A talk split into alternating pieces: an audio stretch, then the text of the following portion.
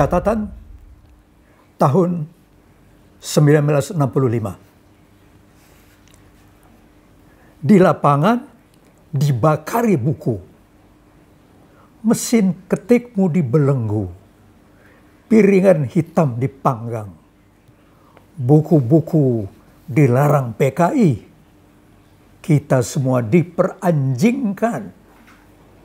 Gaya rabies kelongsongan. Hamka diludahi Pram masuk penjara Sukabumi. Yasin dicaci, diserapahi, terbenam daftar hitam. Usmar dimaki lentera. Takdir disumpahi lekra. Sujono dicangkul BTI. Nasakom bersatu. Bersatu apa? Umat dibunuhi di desa. Kanigoro bagaimana bisa lupa? Kus bersaudara di penjara. Mokhtar Lubis masih diterungku sembilan tahun. Osram bungkuk meringkuk. Jalan aspal seperti kubangan. Minyak tanah dikemanakan? Rakyat rebutan beras antrian. Begitu banyak yang mati kelaparan. Inflasi saban pagi. Pidato PKI tiap hari. Maki-maki sebagai gizi bahasa carut diperluaskan, Beatles gondrong dipersetankan, piatas pita suara dimati rasakan, susuran syaraf di anestesi. Genjer-genjer. Jadi nyanyi, tari perang dipamerkan, warna PKI merah dikibarkan, warna hitam dikalbukan, pawai genderang digenderangkan. Kolonel kelima disusupkan. Sarung siapa dilekatkan. Drama mati ne Gusti Allah dipentaskan. Puisi ini ditulis ketika pawai hari ulang tahun PKI tanggal 23 Mei 19 65. Puisi yang dibacakan oleh Datuk Taufik Ismail ini adalah puisi yang sebenarnya jarang kita baca atau uh, bukan puisi yang selalu dibacakan di tempat-tempat umum gitu ya. Tapi saya melihat bahwa puisi ini menggambarkan suasana suasana kebatinan dan kita bisa berimajinasi Datuk Taufik ini tentang buku-buku yang dibakar, mesin tik, piringan hitam dan sebagainya dalam sejumlah kalimat puitis ini Pak Taufik menggambarkan waktu itu pawai HUT PKI 23 Mei tahun 65. Mungkin Datuk bisa menceritakan lagi suasana ketika itu karena saya belum lahir dan saya kira banyak generasi sekarang belum lahir. PKI itu pada puncak-puncaknya mungkin ketika itu ketika ya. ditulis ini. Ya. Itulah kegagalan mereka pada tahun 40 delapan itu itu mereka ingin uh, dirubah menjadi sukses yang berikutnya dan untuk itu mereka persiapkan segala-galanya. Dan persiapan itu bukan main. Kesengsaraan kehidupan rakyat pada waktu itu luar biasa. Pada waktu itu uh, inflasi uh, jumlahnya itu ratusan persen Ya. Kemudian bahan-bahan makanan bukan Orang saja antri, ya? bukan saja mahal, akan tetapi sukar didapat. Hmm. Dan kemudian bukan saja orang-orang kelaparan, akan tetapi sudah jatuh bermatian. Suasana sudah demikian sengsaranya pada waktu itu. Nah, pada waktu itulah itu mereka menyiapkan uh, dalam keadaan kesengsaraan itu mereka menyiapkan untuk merebut kekuasaan yang kalau dari segi uh, teori apa pun itu sudah Indonesia sudah jatuh. Saya berdiri di pinggir jalan melihat hmm. pawai itu, masya Allah, pawai itu dan orang-orang bersorak-sorak, ber, ber, ber, berteriak-teriak, kemudian bendera-bendera berkibaran pada waktu itu. Dan apa yang uh, dilihat pada waktu itu, yang dilihat pada waktu itu uh, uh, bahasa, hmm. bahasa kita bahasa Indonesia itu sudah menjadi bahasa carut marut, caci maki, caci maki, hmm. dan kemudian nilai-nilai agama itu diinjak-injak, kemudian tidak tanggung-tanggung. Itu ada pelajar-pelajar sekolah menengah membuat acara di Kanigoro itu uh, pelatihan-pelatihan itu diserbu, diserbu ya. dan kemudian bukan saja diserbu, itu anak-anak itu diseret keluar masjid, mereka masuk masjid tempat anak-anak menginap itu, itu pakai sandal, pakai sepatu, dan kemudian Quran yang ditaruh dengan hormat di atas itu dibawa, diambil, dijatuhkan dan diinjak-injak, masya Allah pada waktu ya, itu ya. luar biasa kejadiannya pada waktu itu. Itu itu itu ya. suasananya pada waktu itu. Banyak memang generasi sekarang, termasuk generasi saya dan generasi milenial sebetulnya, Datuk, itu tidak uh, bisa membayangkan. Karena di zaman itu kita tidak terlalu banyak rekaman-rekaman video. Tidak seperti sekarang kan ada handphone gitu ya. Kalau zaman dulu ada handphone mungkin udah terekam semua. Nah, jadi teror itu teror-teror yang dilakukan oleh PKI seperti tadi di Kanigoro. Kemudian tadi juga di dalam puisi kalau tidak salah ini ada Sujono dicangkul BTI. Peltu Sujono ya kalau tidak ya. salah. Tetapi di bidang kebudayaan mungkin Datuk bisa menceritakan terutama di sini kan disebut Mohtar Lubis, Hamka, Usmar Ismail, Sultan Takdir. Kemudian saya lihat lagi ada Beatles, Kemudian ada lagi, maksudnya Kus Plus juga di sini kalau tidak salah. Oh ya, Kus bersaudara. Iya. Ya. Itu gimana, uh, Datuk? Bagaimana kok bisa mereka itu diperlakukan seperti itu atau uh, atas dasar apa gitu? Atas dasar semua karya-karya dari uh, dari kelompok yang bukan mereka itu harus dimusnahkan. Hmm. Nah, pada waktu itu uh, yang pertama sekali buku-buku dilarang. Hmm.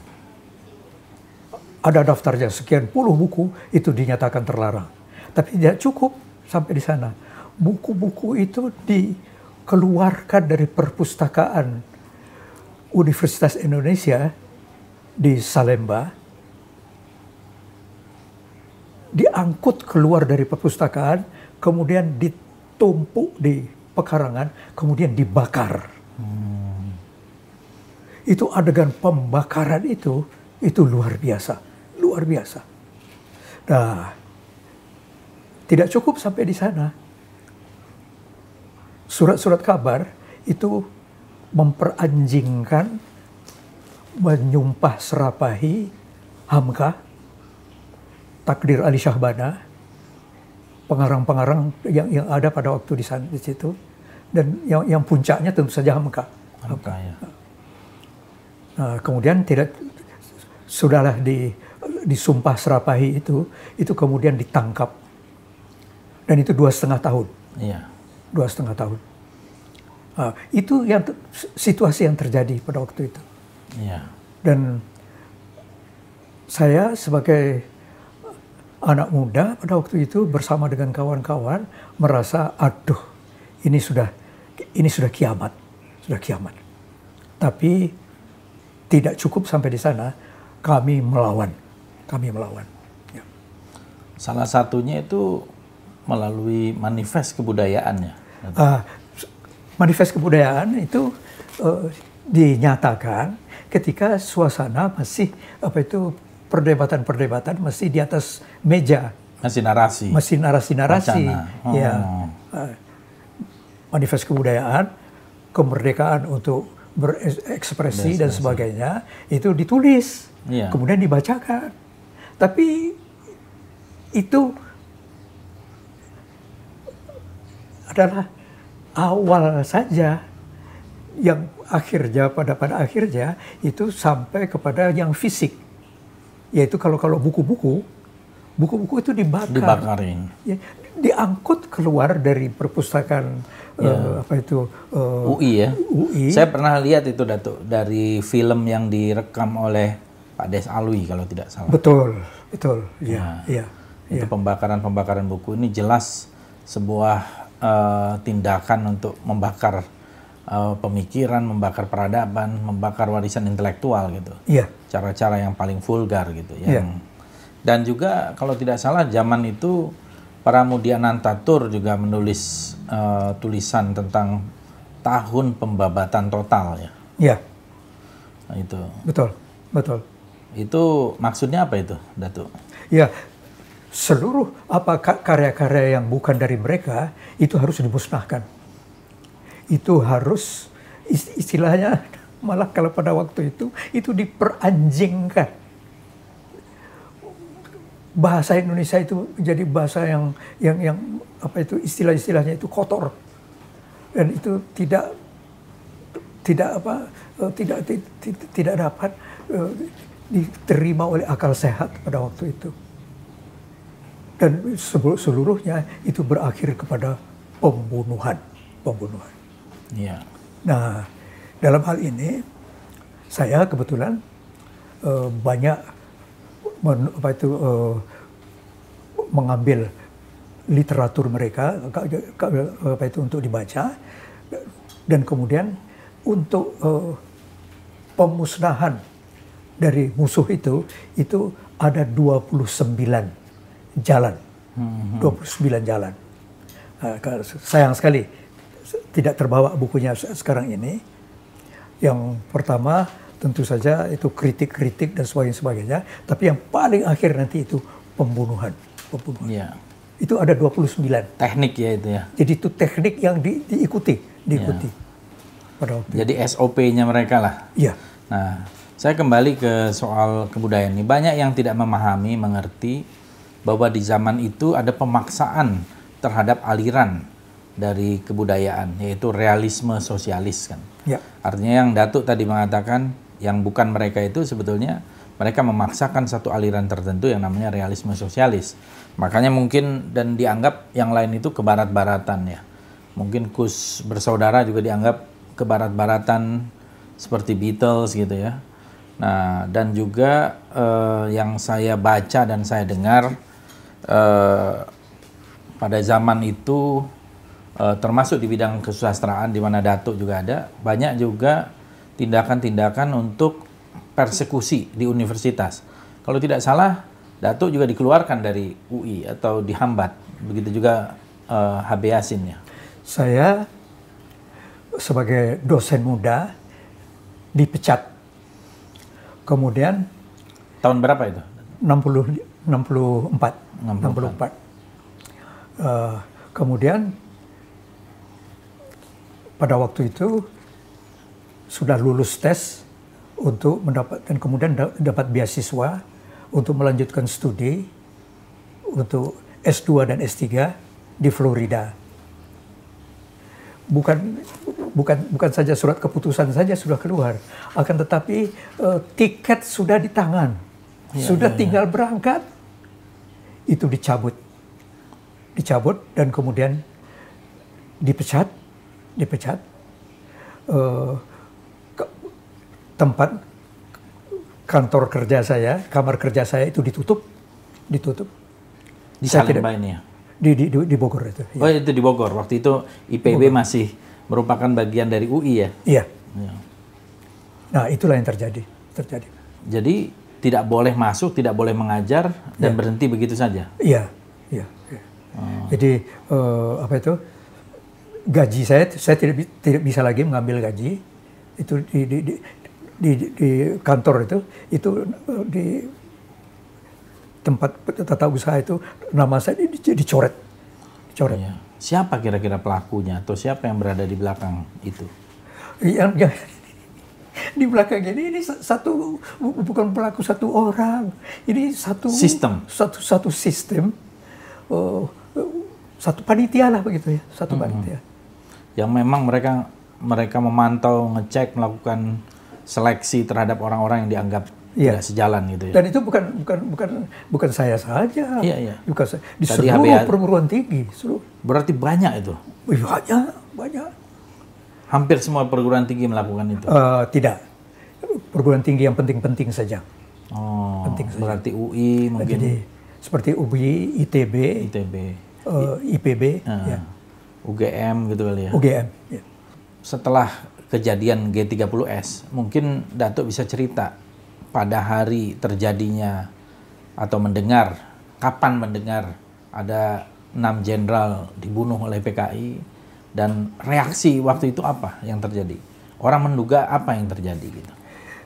Kebetulan sekali saya dengan kawan-kawan itu eh, mempunyai me- me- apa itu menstudi. Jadi tentang apa saja yang dilakukan oleh Partai Komunis di negara di negara di negara luar yang kemudian itu eh, cara perjuangan itu dilaksanakan di negara-negara yang eh, satelitnya itu termasuk Indonesia. Jadi itu di- diikuti. Jadi apa yang terjadi eh, berikutnya itu bagi kami artinya di kelompok kecil ini itu tidak tidak terkejut lagi. Sudah tahu bahwa ini akan terjadi, akan Iya, terjadi. iya, iya. Ah, tapi ini juga di apa itu eh, pengetahuan ini ini juga disebarkan kepada kawan-kawan. Sehingga kawan-kawan itu juga siap menghadapi itu. Siap menghadapi itu. Nah pada waktu itu bahwasanya pada akhirnya nanti dari 29 langkah itu yang langkah yang terakhir itulah yang kami itu pembunuhan. Dan pembunuhan itu juga dua macam. Yang satu pembunuhan satu demi satu dan kemudian yang berikutnya lagi pembunuhan massal. Iya, iya. bukan main massal. Massal, ya. massal. Artinya eh, akan bergeletakan akan berge- ber- bergeletakan eh, leher-leher akan akan akan ber- ber- ber- dipotong-potong. Datuk juga menuliskan ini buku ya, katastrofi mendunia. Yang juga kalau tidak salah di sini dimuat tentang korban-korban kekejaman Partai Komunis sedunia ya yang jumlahnya cukup banyak. Ini tahun 2004 ya. Dan eh, ini ada sebenarnya dikutip nih teknik-teknik ini.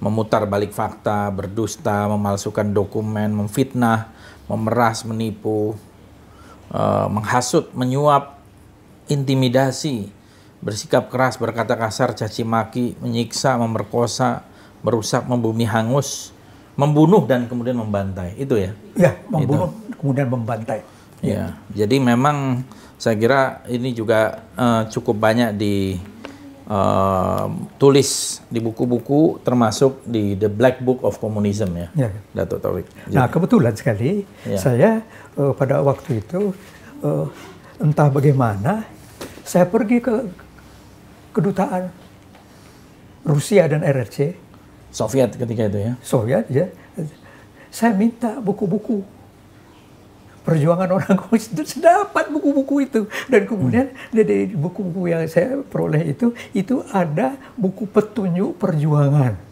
Oh, ya, ya, Nah, ya. itulah sebabnya maka yang ini. apa itu ada 29 langkah itu. Langkah. Itu bukan bukan bukan bukan, Bukan fantasi saya, bukan saya karang-karang. itu saya ambil dari buku-buku itu. Itu dalam bahasa Indonesia sudah. Enggak, dalam bahasa Inggris. Oh, dalam bahasa bahasa, Inggris. bahasa Inggris. Se- semuanya dalam bahasa Inggris. Ya, ya. Oh, jadi mereka sudah cetak dalam bahasa Inggris, belum sempat ke Indonesia. Nah, itu saya merasa beruntung betul karena saya men- mendapatkan rencana-rencana kejahatan mereka itu itu dalam bentuk tertulis dalam bentuk buku.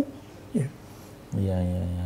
Dan ini bagi kami, jadi eh, kelompok HMI pada waktu itu di yang kantornya di apa itu di eh, di Jalan Imam Bonjol itu itu di- dibicarakan Iya. Saya tidak tidak apa itu uh, hanya apa itu untuk diri saya sendiri itu saya bagi bagi saya bagi di share. kami diskusikan. Yeah. Oke, jadi uh, paling tidak kita mengetahui dari saksi sejarah Datuk Taufik Ismail yang kini berusia 85 tahun. Beliau ini banyak sekali menulis uh, puisi, cerpen dan esai. Ini salah satu kumpulan dari puisi tahun 53 sampai 2008 dibukukan Mengakar ke Bumi, Menggapai ke Langit. Jadi kumpulan-kumpulan dari buku juga dikumpulkan lagi menjadi semacam buku induk termasuk di dalamnya juga buku puisi Tirani dan Benteng yang banyak memotret peristiwa-peristiwa di sekitar tahun 65-66. Nah, mungkin terakhir uh, Datuk Taufik, kira-kira dalam suasana sekarang kita di tahun 2020 dan kita masih membicarakan ini, tentu kita tahu bahwa uh, sejarah itu sangat penting dan jangan sampai kita melupakan atau meninggalkan sejarah. Pesan dari Datuk di, untuk generasi sekarang dan generasi yang akan datang tentang komunisme mungkin. Ya, jadi literatur mengenai masalah komunisme ini ini mesti dibaca. Hmm. Dan ini dari pihak mereka ini satu hal yang sangat logis mereka lakukan itu dihapus semua. Jadi bagian-bagian dari sejarah tentang apa yang berlaku itu itu dihapus dari buku sejarah. Nah, perlulah kita sekarang uh, melaksanakan di dalam apa itu uh, kesempatan 30 September ini uh, mengingat kembali ada tujuh dusta besar yang ini harus kita ingat sekali. Yaitu dusta besar itu adalah bahwasanya komunisme itu mereka sebutkan mendukung demokrasi, hmm. nomor satu. Nomor dua, hak buruh dihormati. Nomor tiga, memberi tanah kepada petani. Dan kemudian yang keempat, menghormati kebebasan berpendapat. Dan kemudian yang kelima, sama rata sama rasa. Yang keenam, nah ini yang dusta yang paling besar, itu bahwasanya komunisme sebagai partai itu tidak anti agama. Ini ditutup-tutupi terus, ditutup-tutupi terus. Dan dalam kesempatan ini, izinkan saya mengutip saja di sini, itu apa yang dilakukan oleh Lenin. Lenin di dalam waktu pendek, beberapa belas tahun saja, telah membunuh 28 uskup, 1.200 pendeta, dan 800 ribu muslimin, orang Islam. 28 uskup, 1.200 pendeta, 800 ribu muslimin. Kemudian gereja mereka runtuhkan. Berapa jumlahnya gereja itu? 9 ribu gereja. Kemudian masjid-masjid itu dirobohkan dibakar. Berapa jumlahnya? 30 ribu masjid. Gereja pada waktu itu di Rusia habis 90 persen. Masjid 99 persen. Diikuti oleh PKI hmm. di Indonesia. Tahun 48 dan tahun 49. Di, di Surabaya ada masjid namanya Masjid Rahmat di kawasan Kembang Kuning. Itu masjid dibakar. Dan kemudian ada ada sebuah masjid yang menjadi kesayangan dari publik di Trenggalek. Nah, itu itu masjid ini umurnya 205 tahun.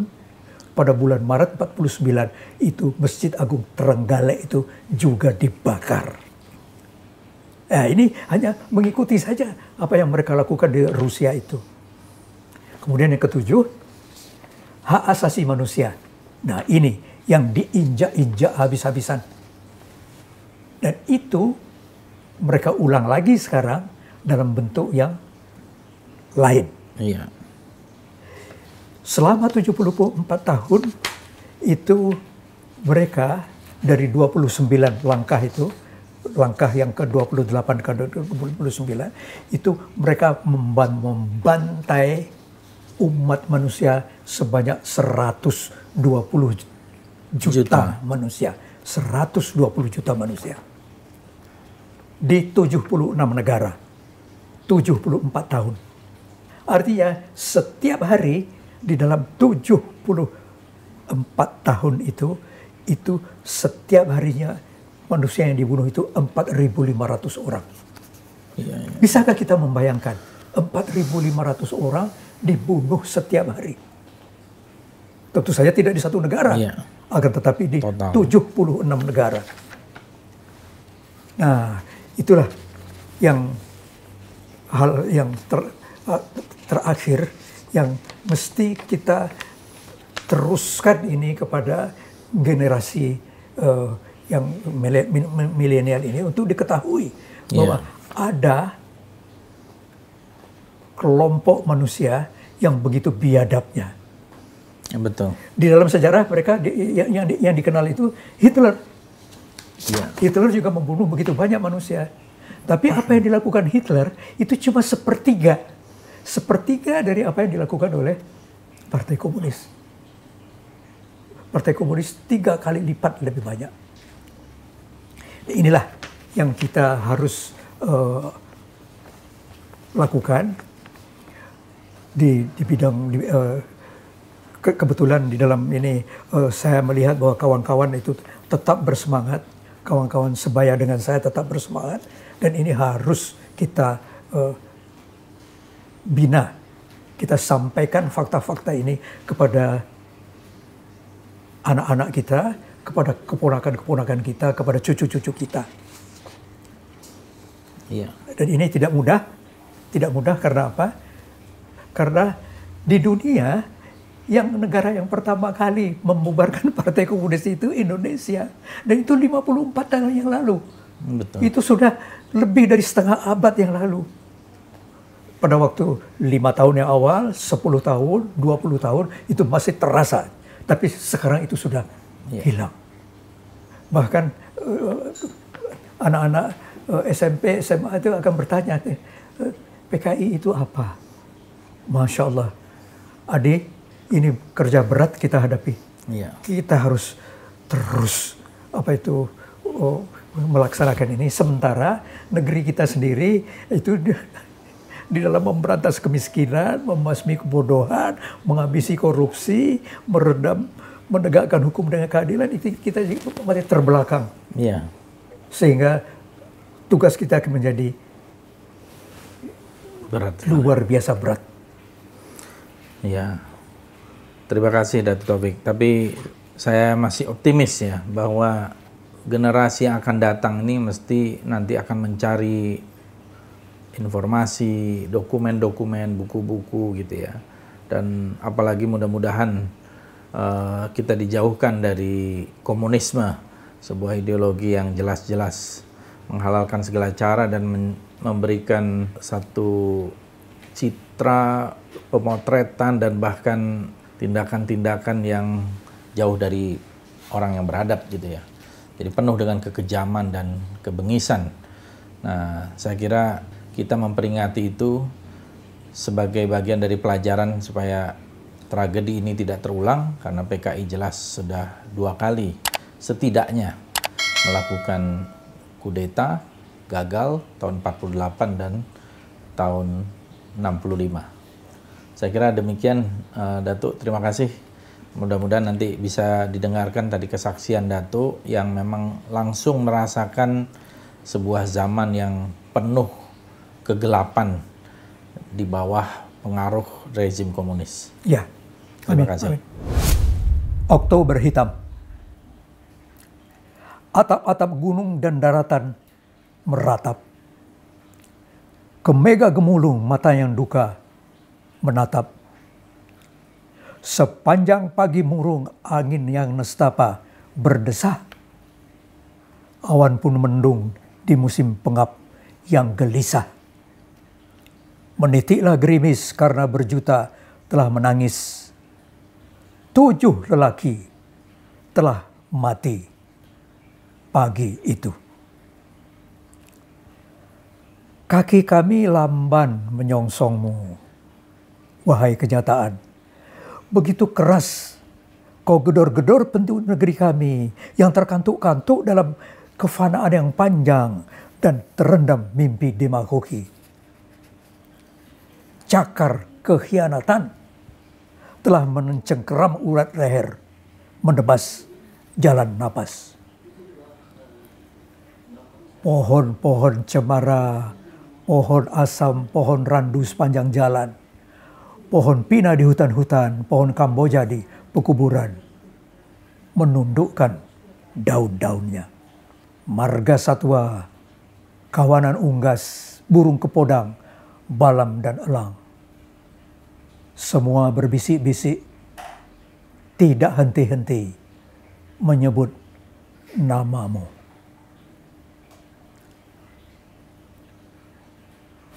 anak perempuan mungil itu, lihatlah darahnya menetes sepanjang tongkat ayahnya yang berterlekat di kuburan. Menahan berat beban cobaan, tapi tetap tegak bertahan. Sembilu telah mengiris langit, menyayat-nyayat mega, menurunkan gerimis semua berhenti, semua berbisik tiada henti menyebut namamu.